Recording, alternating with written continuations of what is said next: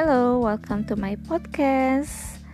Now we learn about preposition. Preposition adalah salah satu bagian dari parts of speech yang berfungsi untuk menunjukkan letak dari sebuah hal. Jika diterjemahkan ke dalam bahasa Indonesia, preposition berarti kata depan. Namun, menurut saya, artian itu mungkin akan menimbulkan kebingungan.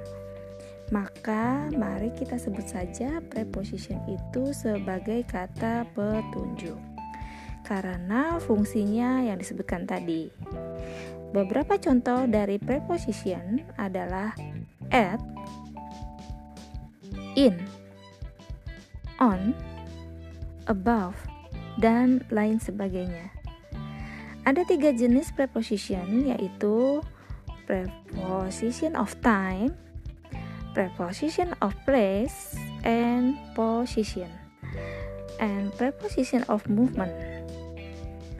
Oke, berikut adalah penjelasannya. Jenis-jenis preposition. Preposition of time. Preposition of time adalah kata petunjuk yang mengarahkan pada waktu. Contoh kata preposition of time adalah after atau sesudah. At penunjuk jam. By pada atau sebelum. During selama. For selama. From dimulai pada. In selama.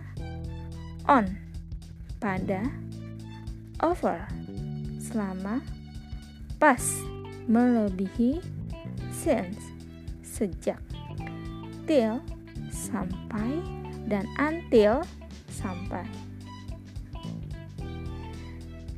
preposition of place of position Preposition of place and position adalah kata preposition yang digunakan untuk menunjukkan tempat dan posisi. Contoh katanya adalah above, suatu benda di atas benda yang lain. Along, sepanjang. Among, di antara. Around, di sekitar. At, di. Behind, di belakang. Below, di bawah. Between, di antara in di dalam, in front of di depan, on di, outside di luar, inside di dalam, under di bawah. Preposition of movement. Preposition of movement adalah preposition yang menunjukkan sebuah pergerakan.